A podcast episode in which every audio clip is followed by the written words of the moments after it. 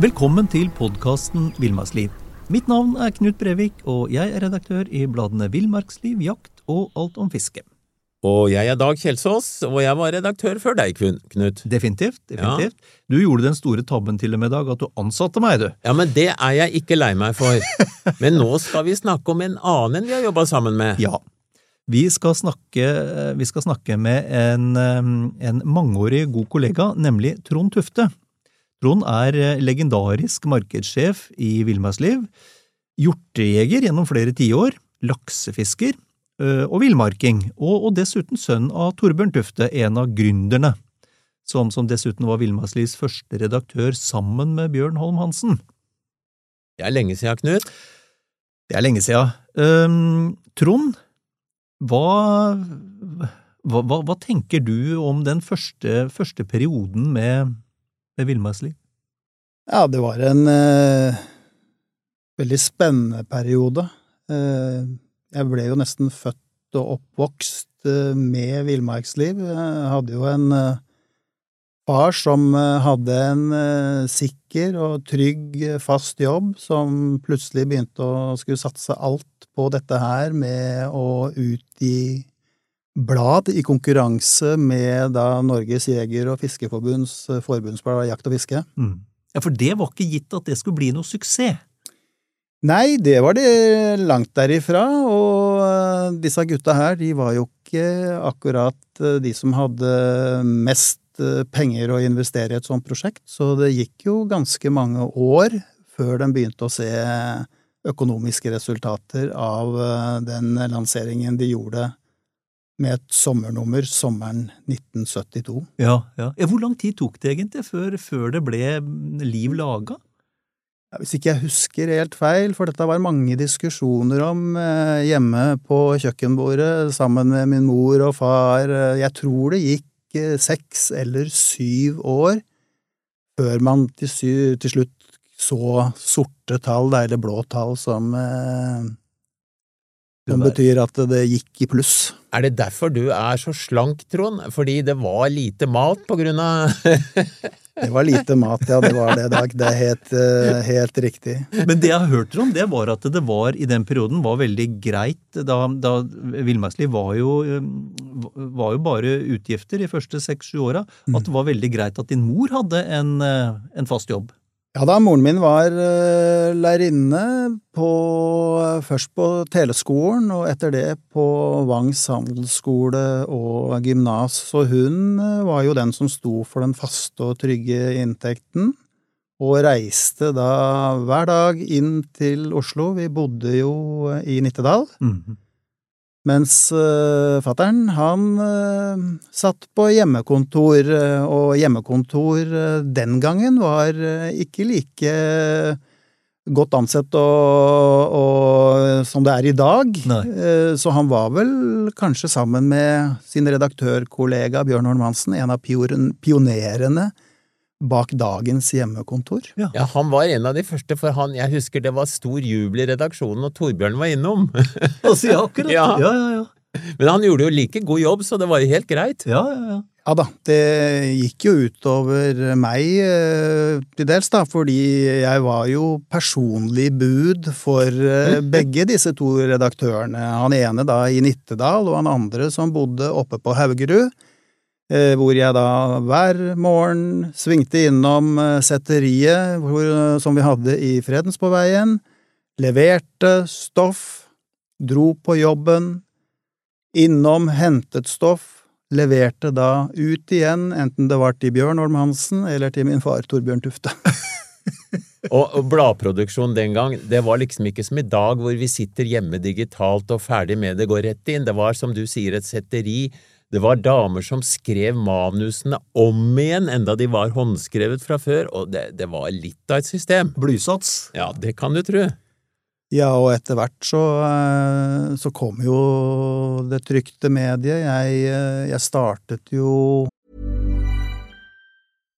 Nå får du bladet Villmarksliv rett hjem i postkassa i tre måneder for kun 99 kroner. Send SMS VILL36 til 2205 og motta bladet allerede neste uke. Hiring for your small business? If you're not looking for professionals on LinkedIn, you're looking in the wrong place. That's like looking for your car keys in a fish tank. LinkedIn helps you hire professionals you can't find anywhere else, even those who aren't actively searching for a new job but might be open to the perfect role. In a given month, over 70% of LinkedIn users don't even visit other leading job sites. So start looking in the right place. With LinkedIn, you can hire professionals like a professional. Post your free job on linkedin.com/people slash people today. Var det 80 eller 81? eh, Å jobbe i Naturforlaget, som det da het, det forlaget som ga ut Villmarksliv.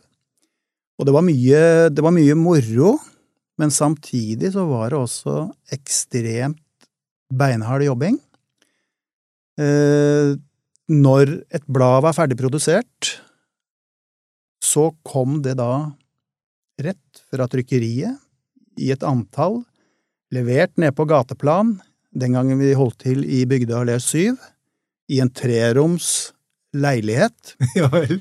Da var det bare å kaste alt man hadde i henda, brette opp arma, enten det var redaksjonssekretæren eller jeg som jobbet i administrasjon eller eh, noen andre, og så var det å begynne å bære tusenvis av blader opp fra gateplan i Bygdøy allé, opp i leiligheten, sørge for at disse bladene så fort som mulig ble båret ned igjen, og transportert da til post for å bli så bli sendt ut til nye abonnenter som hadde sendt inn ønske om å tegne nytt abonnement på bladet Villmarksliv. Ja, ja. ja. Så vi flytta på mange kilo Oi. eh, flere ganger eh, i løpet av måneden. Det gjorde vi, absolutt. Men, men jeg, jeg tenker, Trond, du jobba jo i, i Villmarksliv i ja, hva var det, rundt, rundt 30 år? Ja, det ble nesten 30 år. Mm. Jeg tror jeg titta litt på det, 28 år eller noe sånt. Så Ja. det var en anselig tid. Absolutt. Mm. Og så har det jo uh, har alltid vært mye ressurspersoner og spesialister og, og originaler i ordets beste forstand øh, rundt villmarksliv. Altså, hva, hva slags folk var det som omga villmarksliv den, den første tida? Tja eh, Vi hadde jo Kanskje det mest kjente av dem var vel eh, Sverre M. Fjelstad og, og, og Per Hafslund. Eh, jeg jobbet jo ikke så mye med de redaksjonelle menneskene, men det er kanskje de jeg husker eh, absolutt eh, best. Og jeg var så heldig at eh, jeg faktisk fikk være med på en elgsafari sammen med Sverre M. Fjelstad nede i eh, Rotnesagaen i Nittedalen, der jeg bodde, og hadde med meg flere kompiser, og det syns de var storveis. Ja, For han var superkjendis. Han var superkjendis eh, på, på den tiden der. Og det var jo, det var jo Per Hafslund også. Han var jo på TV-en med programmene sine, og han var en uh, artig figur, altså. Jeg glemmer aldri en gang hvor uh, Per uh, var på besøk og skulle spandere epler på oss som var på jobb da, i, i, i Bygda allé. Og han var jo en uh, røslig, og ikke en, jeg vil ikke påstå at han var en overtrent uh, fyr, så han hadde mer enn nok med å gå de tre etasjene opp til eh, kontoret vårt. Men han Da- hadde, jo, han hadde jo astma, husker jeg. Han hadde, det hadde han også. Ja. Så det ble jeg da som skulle gå ned da, og hente disse eplene som lå bak i en eldgammel Volvo. Og jeg eh, fløy jo ned trappa, jeg var jo ung og sprekk, eh, i hvert fall den gangen, og lukka opp den der bagasjelokket på den eh, gamle Volvoen hans, den som var halvfull da med sånne halvråtne epler. Krydra da med to eller tre eller fire daue ildere som lå på toppen. Så, eh, så Per, han, eh, han kommer jeg aldri til å glemme. Han var en, han var en morsom kar. Ja, ja, ja. Var det altså Var det andre, andre som gjorde spesielt inntrykk på deg? Ja, eh, det var masse personligheter her sånn Vi hadde jo eh, professor Jon Olav Krogh, professor Rolf Brade, Morten Brondal. Eh, etter hvert også da fangst- og fellegeneral eh, Jon S. Oppdal fra Steinkjer. Mister Nidelven personlig, Tor eh, Hansen. Eh, Mister Sølvkroken, Bjørn Nyhus, og Mister Abu Garcia i Norge, Håkon Mørk. I tillegg så var jo våpenskribenten vår på den tiden, Tor S. Halvorsen, hadde jo et, eh, et eh, stort navn eh, på den tiden, han også. Eh, til og med mangeårig redaktør av eh, bladet Jakt og fisket i Norges jeger- og fiskerforbund, Ole Kirkemo, var medarbeider og skribent på den tiden der. stemmer det. stemmer. Mm. Ja, vi har trukket oss mye bra folk. Ja, vi har det. Vi har det. Så eh, Nei da, det var, det var stor spennvidde på, på folka. Nå Mm. jobbet jo jeg ikke redaksjonelt, så jeg jobbet jo mest kommersielt, så for meg så, så handlet det veldig mye om å ha eh, kontakt med da annonsørene og ikke minst leverandørene som vi kunne henge oss på for å skaffe blant annet vervepremier. Vi kjørte jo den gangen store vervekampanjer i, i bladet Villmarksliv for å skaffe oss uh, nye abonnenter, og det Mm. funka som uh, juling. Ja. Og da var det godt å ha et, uh, en god kontaktperson innad i både jakt- og sportsfiske og friluftsbransjen. Det ble jo gjort utrolig mye for å øke abonnementstallet etter hvert som bladet hadde råd til det, da. Eh, For det kosta jo mye penger, og det var jo verving, som du sier, flotte premier, og det var gaveabonnement, og så var det jo etter hvert noe som het Villmarksklubben, gullabonnement, og eh, tiltak som var spennende, og som, som Villmarksliv faktisk var først med å gjøre mye av i, i Norge. Hva, hva tror du hva, hva betydde mest for å øke abonnementstallet? Nei, altså jeg tenker over tid så er det vel uh, summen av, uh, av alt.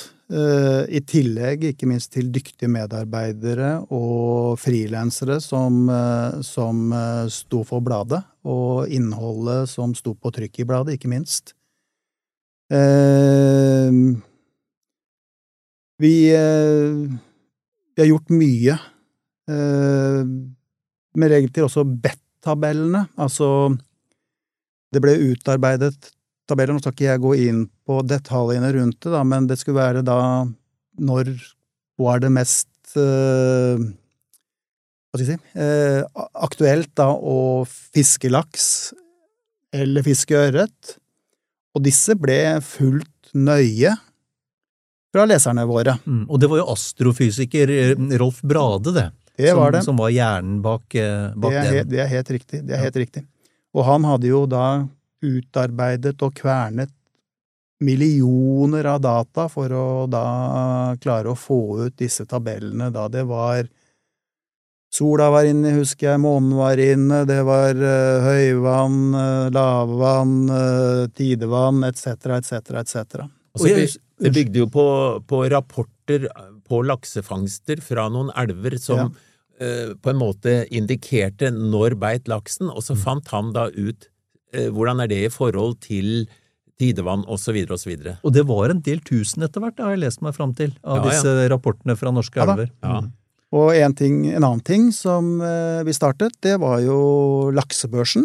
Eh, det husker vel du, Dag? Ja, ja, ja. Eh, da satt altså da, et, Etter normal arbeidstid da, så var det vel en gjeng på en eh, seks, sju, åtte, ti ivrige eh, ungdommer, eh, unggutter, som satt da og oppdaterte data som de hentet inn fra de ulike lakseelvene, og registrerte da fangstene fra Orkla, Gaula, Namsen, Altaelva, over hele, hele Norge, hvor, det var, hvor de hadde kontaktpersoner da, i de lakseførende vassdragene. Mm. Og det her var jo før dataalderen, så nå Ja. snakker vi om telefon, ringing, notater og Teletorg! Ja, Ja. ja. Og, og, og folk eh, kunne da faktisk sjekke når det lønte seg å dra og fiske laks, og det var, ideen var jo glimrende, syns jeg i hvert fall. Ideen, var, ja. ideen var jo helt briljant.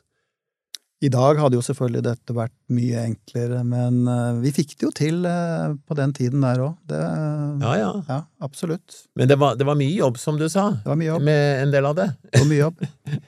Ja, men det er vel stort sett mye jobb med, med alt vi driver med, hvis vi tenker oss litt om. Jeg husker jo veldig godt også det. Vi eh, etablerte et samarbeid med Hamar olympiske anlegg, eh, som da styrte Etterbruksfondet etter OL i 94, og etablerte da villmarksmessen Villmarksliv. Ja, Villmarkslivlandet ble, navnet ble lånt ut til enkelte prosjekter som vi syntes var bra nok. Ja, Og det, det var jo moro, Trond. Det var dødsmoro, men det var mye jobb. Og det mest artige, da jeg var ikke der, men jeg tror, eh, hvis jeg ikke husker helt feil, så var det det andre året etter at vi åpna den messa. Da var jeg på, eh, på hyttetur og satt og hørte på, eh, på radioen, og da var det kø på E6-en. Det sto dønn utafor avkjøringa til Vikingskipet. Den helgen der på fredag, lørdag, søndag så hadde vi altså 24 500 besøkende innom telleapparatene på Vikingskipet. Mm, mm. Så, så det var en uh, formidabel suksess, og messa den uh, levde sitt liv i mange, mange år etterpå. Ja, Vi ja. Vi fikk nok riktignok ikke det høye besøkstallet, men uh, det var moro, altså. Det var det. Morsomt å ha vært der oppe og nikke. Men det du nevner, Trond, at ting, er, at ting krever mye jobb, Mm. det er, jo, det er jo helt riktig. For hadde ting vært enkelt, så hadde alle gjort det. Helt klart. Helt klart. Men Trond, hvordan opplevde du som markedssjef den gangen at opplag på Villmarksliv i løpet av få år føyk opp i 84 000 på 90-tallet?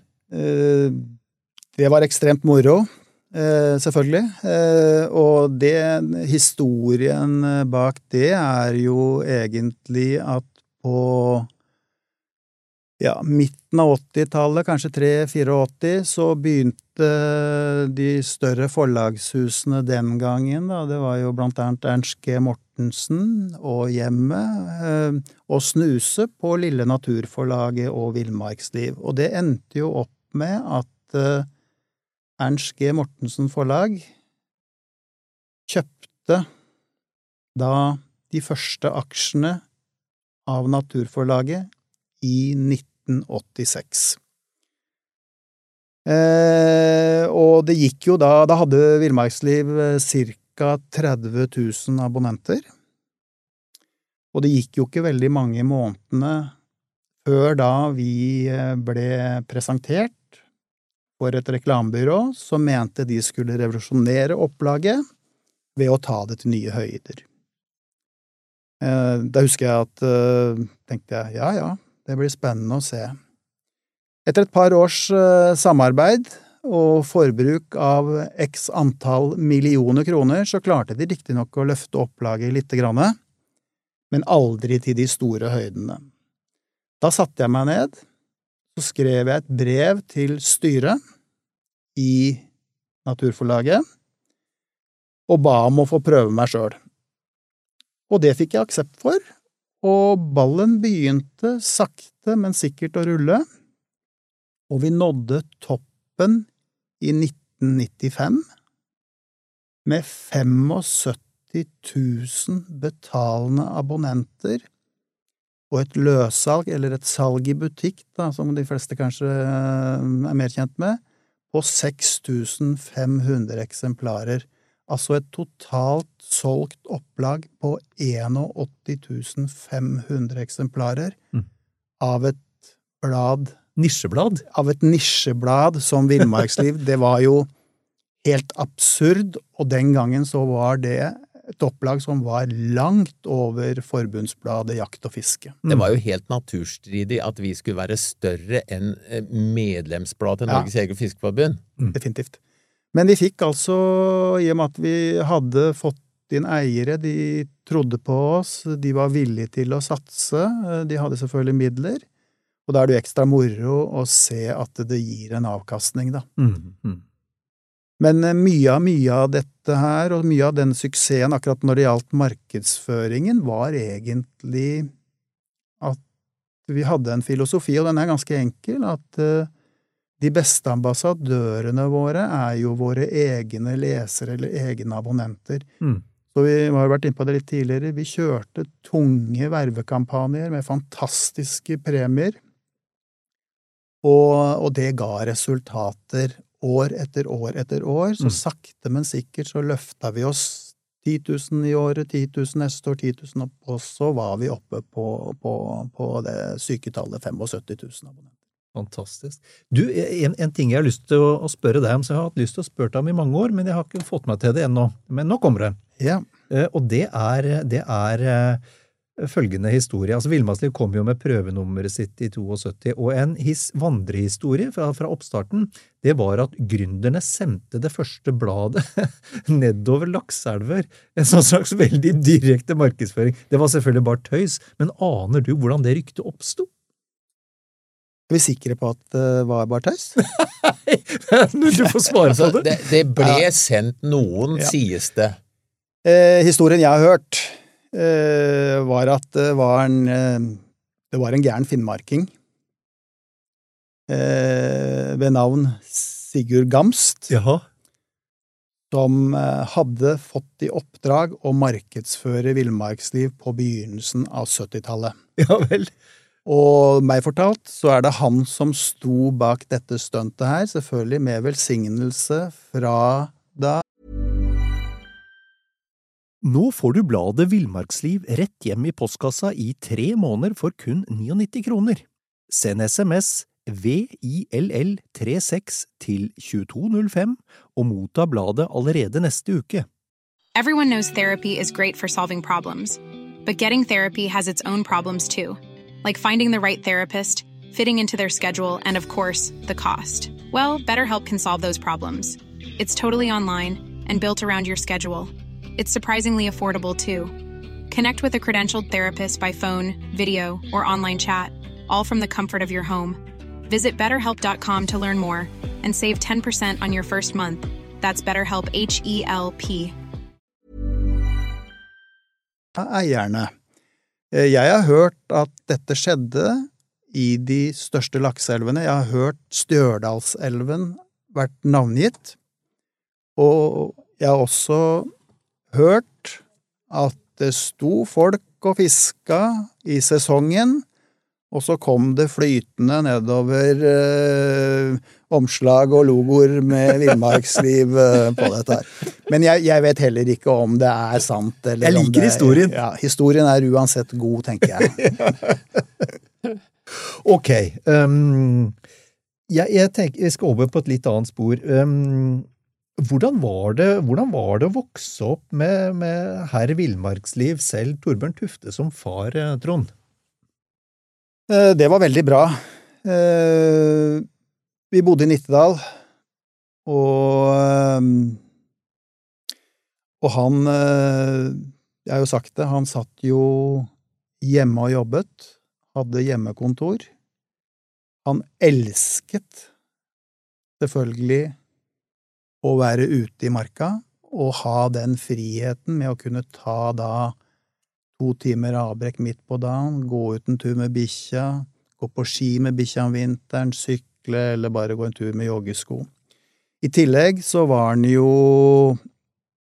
en ekstremt svært aktiv pappa, og ekstremt glad i sport. Så for meg da, som eh, spilte fotball aktivt, gikk langrenn aktivt eh, i skigruppa i Nittedalen og kjørte eh, aktivt alpint, så var det, var det helt fantastisk. Han stilte opp eh, og tok seg fri, og satt heller langt utover kvelden. Det husker jeg veldig godt. Altså, det var ikke noe snakk om noe åtte til fire-jobb. Han satt gjerne til midnatt og jobbet, eh, og så husker jeg faktisk også, Dag, at eh, den dagen telefaksen kom, ja. Så revolusjonerte jo det hjemmekontoret den gangen. Og Torbjørn var ekstremt stolt at han hadde telefaks. Det er helt riktig. Det er helt riktig. Det endte til og med at han eh, Han eh, var, og han ble også formann i skigruppa i eh, Nittedalen, og var det i en del år. Og der, etter han Jeg husker ikke hvor mange år etter. Der var jo vår kjente Odd Martinsen. Han har hatt den samme rollen. Og fattern var jo en som stilte opp. Og én ting var å være formann i gruppa, men han var også den som kjørte gutta på jeg husker vi var på lysløyperenn oppe i Hol i Hallingdal onsdagskveld og sånne ting. Han var ikke redd for å kjøre. Torbjørn elska jo egentlig å kjøre bil. Ja, ja, han var Det var ett problem men bare, det var at hvis du satt på og måtte tisse, så da stoppa han ikke de første ti mila for at du fikk tisse, for det gjaldt å komme fram. Ja, men sånn må det være. Ja! du, må, du måtte ikke Hvis du måtte tisse eller var sulten, Ja. da hadde du et problem. Ja. Ja. Og det var ditt, faktisk. Ja, det var ditt, ja. Det er helt riktig. Nei da, han var en, han var en uh, suveren pappa, han altså. Det var ikke tvil. Så jeg, det, var, eh, det var veldig mye bra. Mm. Mm. Ja, eh, når vi snakker om eh, Torbjørn, eh, så må jeg jo spørre deg litt om de turene du var med på fra du var ganske liten, for du gikk jo igjen i mange av bøkene til Torbjørn på bildene. En lyshåra, slank, spretten liten kar som var ute med fiskestang og fikk være med de store gutta, hvorav far selvfølgelig var en av dem, og ta stor ørret, stor øye videre. Eh, Hvordan husker du det? Jo, det husker, det husker jeg veldig godt. Eh, og ja, som du sier, jeg var med fra jeg var eh, veldig ung. Eh, jeg husker eh, Han hadde jo ekstremt mye bekjentskaper eh, nordover. Og jeg tror ikke jeg var mer enn tolv år da jeg fikk min første hagle. Fikk selvfølgelig ikke lov å gå og skyte på egen hånd, da, men så lenge jeg var sammen med han og voksne folk, så var det vel lov på den tiden der, i hvert fall. Eh, Og ikke så stivt, da. Det var ikke så stivt, og det var en enkeltløpa star med et ekstremt langt løp Ja. og en enorm rekkevidde, og, og den første høsten etter at jeg fødte, jeg fyller jo, har jo bursdag i juli, så skøyt jeg mine første ryper og mine første harer i flertall.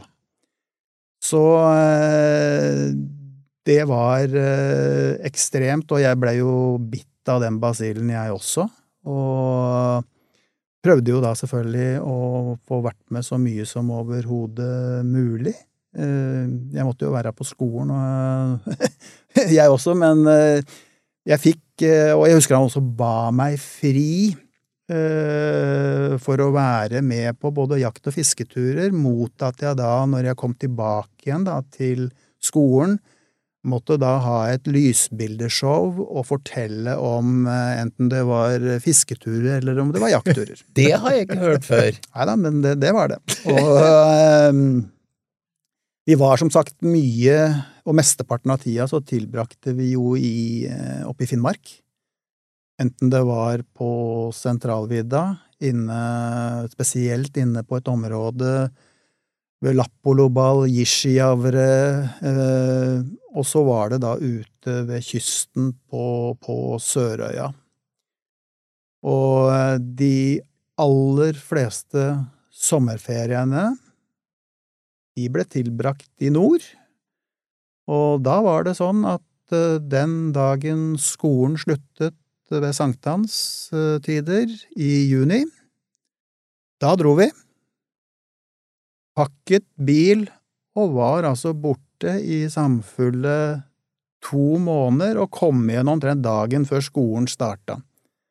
Da var jo selvfølgelig gresset en meter høyt, men det hadde ikke han noe problemer med i det hele tatt. Avslappa til det. Og, men det skal jeg si, samtidig, når vi var av gårde på disse turene, så brukte jo Han var jo på jobb, for han tok jo bilder, og han eh, noterte, skrev så, Han samlet jo da stoff for å kunne komme hjem da og sitte og bearbeide dette her, slik at det ble artikler i Villmarksliv, eller til en av de eh, 1920 bøkene som han eh, har, eh, hadde på samvittigheten. Ja, for det, vi bør jo fortelle de unge som kanskje ikke kjenner så godt til Torbjørn Tufte, at han var jo den store guruen, eh, særlig på fiskehistorier, og du leste jo til øyet var stort og vått og du så bilder blant annet av deg, Trond, med store ørreter, og det var, det var virkelig drømmebøker for oss som, som, som leste det.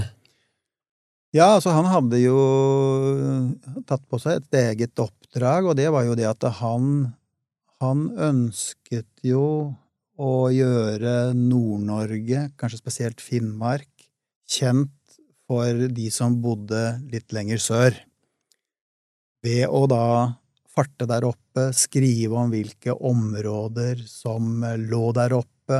Eh, det var selvfølgelig ikke alle som var like happy for det av de som bodde der oppe, og jeg husker også at eh, han ble hengt ut i Nordlys en gang. Jeg husker ikke hvilket årstall det var, men det er, mange år siden nå, altså. Men jeg tror, jeg tror han etter hvert hadde mange, mange, mange flere venner enn han hadde fiender. Mm, mm. Mm.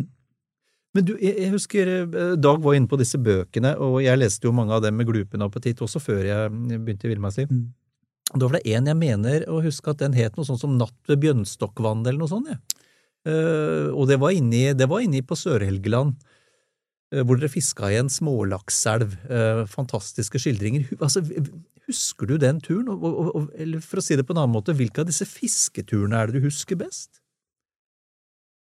Fisketurene Det var jo mange fisketurer, men øh, jeg tror nok at øh, Vi var jo en del oppe i, øh, i Langfjordelva, ved Laggo, og det var der jeg fikk mine første lakser eh, bak én stein på ett spesielt sted.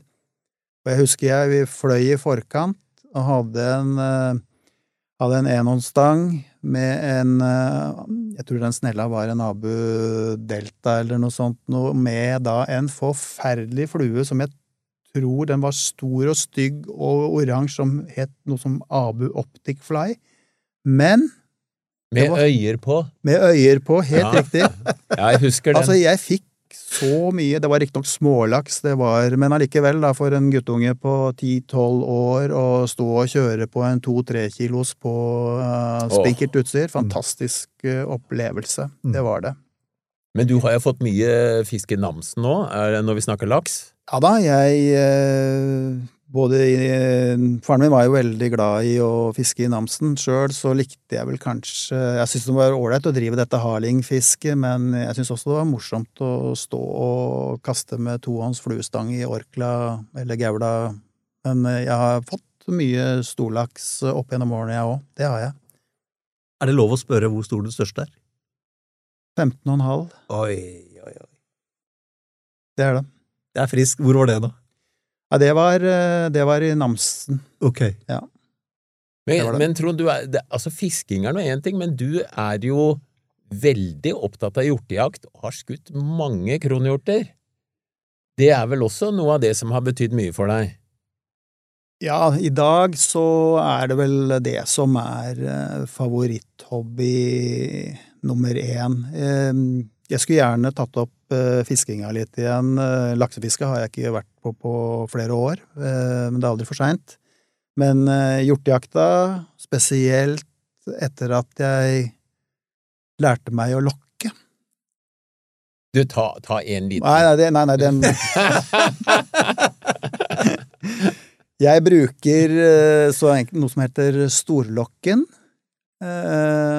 som jeg har kjøpt fra en kar på, på, på Vestlandet, mm. uh, og den har jeg fått uh, virkelig dreisen på, så ja, de siste årene har hatt fantastisk mange opplevelser og fått kronhjorter inn på noen titalls meter. Det er ikke alltid vi skyter dem, men det syns jeg nå har blitt den store greia for meg, og så veit vi det at det er ikke så mange av dem, og vi må ta vare på dem. Mm. Eh, men den opplevelsen eh, som utspiller seg der, å se at du klarer liksom å imitere da et så praktfullt dyr som, som hjorten, mm. Eh, og samtidig da sitte dønn rolig, plassere deg strategisk, og høre den derre fantastiske det fantastiske svaret du får, og når du får det innpå deg i skumringa eller noe sånt, og så blir det trolsk stemning, altså. Selv håret, altså håret reiser seg selv på meg, da. ja, ikke sant? Nei, det er, det er helt, eh, helt rått. Helt Men, rått. men Trond, eh, for de som hører på nå, og vil lære litt, kan du komme med noen eh, Du skal få slippe å lage låta, for den, er, den kan du høre på nett og hvor du vil. Men eh, litt av taktikken rundt å klare å lokke til seg en hjort med lokking, enten du har ei eh, lokkefløyte, holdt jeg på å si, eller du lager det med stemmen, men hva, eh, hva gjør du som og hva kan du gi av gode råd? Eh, det jeg ofte gjør, da, fordi at det er ikke alltid at jeg hører at det brøler. Ofte kan jeg sette i gang dette her sjøl, med da å være veldig svak i forhold til den lyden jeg gir fra meg. Eh, La det gå fem, seks, sju, åtte minutter. Du starter med en svak lyd. Svakt å begynne med, og det har jeg hatt veldig stor suksess med, og jeg har ikke trodd at det har vært handdyr, voksne hanndyr i nærheten, før plutselig jeg har fått svar. Mm. Så, og tålmodighet er et must. Eh, Jeg var heldig og dyktig i fjor høst. Da hørte jeg eh, dyr, jeg så dem ikke. eh, Om det var to bukker som hvor den ene sto og holdt noe koller, så jeg ikke, for det klarte jeg ikke å få se i kikkerten. Men da holdt jeg på å lokke i fem timer, med selvfølgelig litt pauser innimellom, men jeg ga meg ikke. Til syvende og sist så kommer den ene fram, hvis det var en eller om det var to, som sagt, det veit jeg ikke. Og det var en helt rå opplevelse. Hvor, lang, hvor langt hadde du lokka den inn? Hvor langt hadde den kommet? Ja, da hadde Den hadde gått 400 meter. Mm. Men eh, den råeste episoden jeg noen gang har hatt på lengde, så snakker vi om kilometeren. Da så jeg han kom ned fra fjellet, fulgte den i håndkikkerten, han var så sint som bare rakkeren han skulle ta meg. Det, det også var det, Dette er noen år siden, men uh, det er en så sjuk opplevelse at uh, Ja, da, da er pumper adrenalinet relativt eh, heftig, altså. Mm. Jeg kjenner at hjertet slår fortere bare du snakker om det. Ja. Men du, jeg gir meg ikke helt, for du lokker en gang og får kontakt. Eh, hva er sekvensen? Eh, lokker du heftigere eller slakkere enn bukken? Hvor eh, Venter du lenge så du hisser den opp så han lurer på hva det er? Eller, kom, kom igjen, fortell. Til, til, å, til å begynne med så prøver jeg å være spak også. Det er klart, får du, får du svar, og du merker at han kommer nærmere, og at han Så det, det kan gå Som regel, for meg, så er det jo nærmere du har den, jo sintere kan du faktisk eh, være litt sjøl, men okay. jeg har også opplevd at jeg har blitt for kraftig, og at den har snudd. Altså, det er jo ikke alltid det er de største boka som kommer heller, selvfølgelig. Nettopp. Så litt av knepet er kanskje å innbille bukken at du er en eh, kar han kan klare å ta.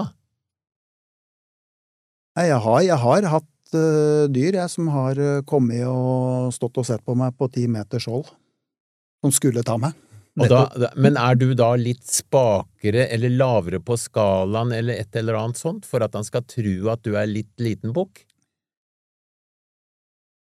Ja, jeg vil jo tro det at de som, de som tar sjansen, tror nok at jeg er mindre og skal jage meg bort, men samtidig så vet vi også at eh, hjorten er nysgjerrig og kommer for å sjekke, eh, og kan også forlate hunndyra sine i den eh, verste brunstperioden for å sjekke dette her. Mm.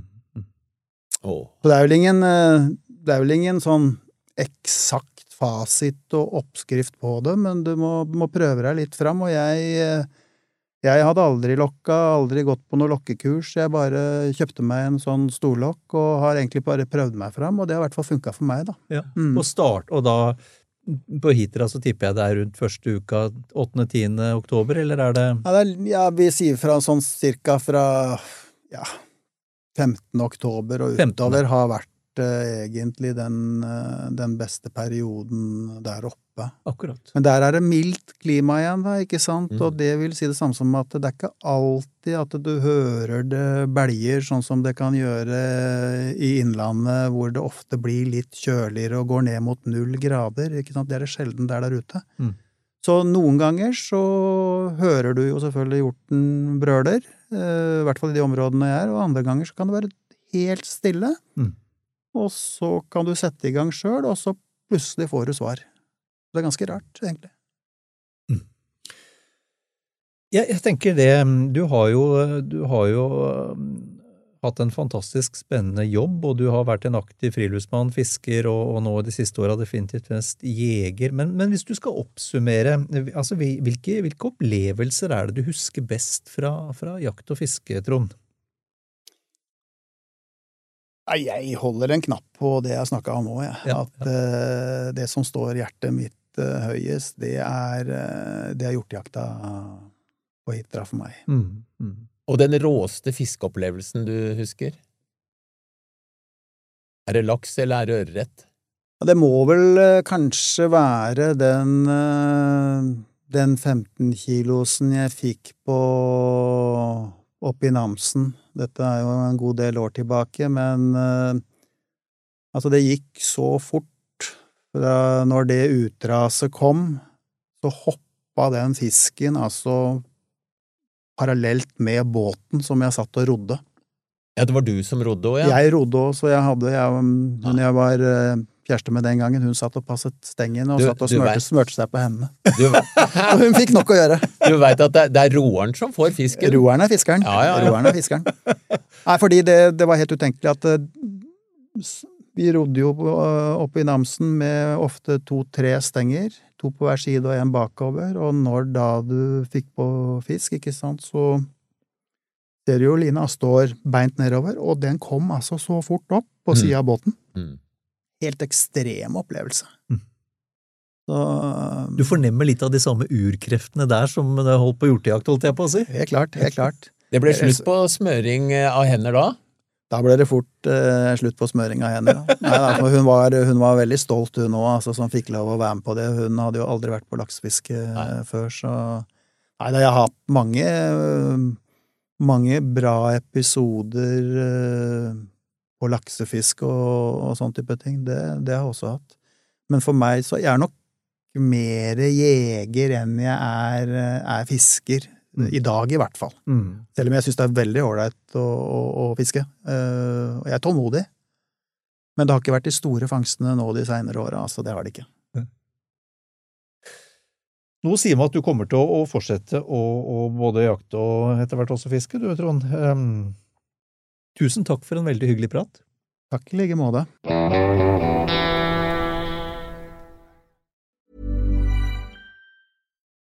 Nå får du bladet Villmarksliv rett hjem i postkassa i tre måneder for kun 99 kroner. I Villmarksliv kan du lese om norsk natur, ærlige tester av klær og utstyr, og mange gode turtips skrevet av erfarne friluftsfolk, fiskere og jegere. Send SMS VILL36 til 2205 og motta bladet allerede neste uke. Lev livet villere med bladet Villmarksliv. Planning for your next trip? Elevate your travel style with Quince. Quince has all the jet setting essentials you'll want for your next getaway, like European linen, premium luggage options, buttery soft Italian leather bags, and so much more. And is all priced at 50 to 80% less than similar brands. Plus, Quince only works with factories that use safe and ethical manufacturing practices. Pack your bags with high-quality essentials you'll be wearing for vacations to come with Quince. Go to quince.com/pack for free shipping and 365-day returns. Mom deserves the best, and there's no better place to shop for Mother's Day than Whole Foods Market. They're your destination for unbeatable savings, from premium gifts to show-stopping flowers and irresistible desserts. Start by saving 33% with Prime on all body care and candles. Then get a 15-stem bunch of tulips for just $9.99 each with Prime. Round out Mom's menu with festive rosé, irresistible berry chantilly cake, and more special treats. Come celebrate Mother's Day at Whole Foods Market.